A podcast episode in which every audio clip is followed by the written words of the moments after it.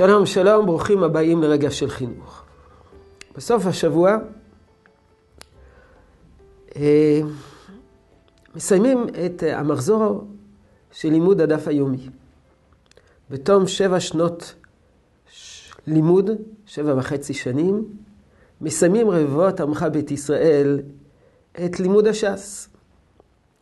את הרעיון הגה רמיר שפירא מלובלין.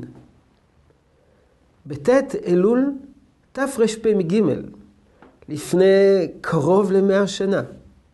בפועל, המחזור הראשון התחיל בראש השנה, א' תשרי תרפ"ד. טוב, אבל מה זה קשור לרגע של חינוך? התשובה היא שרעיון לימוד הדף היומי זהו רעיון חינוכי גאוני. מדוע? מכיוון שהוא הפך את לימוד הש"ס לדבר השווה לכל נפש.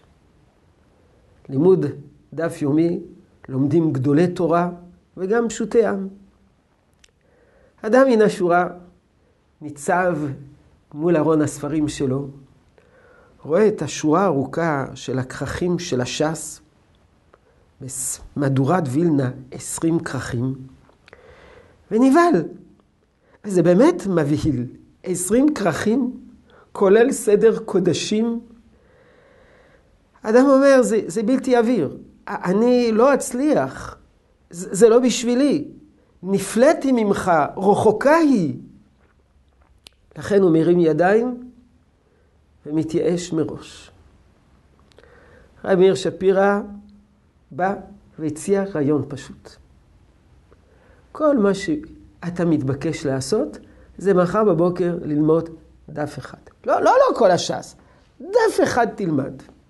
ואחרי הדף הזה, אני בא אליך שנית ואומר לך, תלמד עוד דף, מחר בבוקר, רק דף אחד.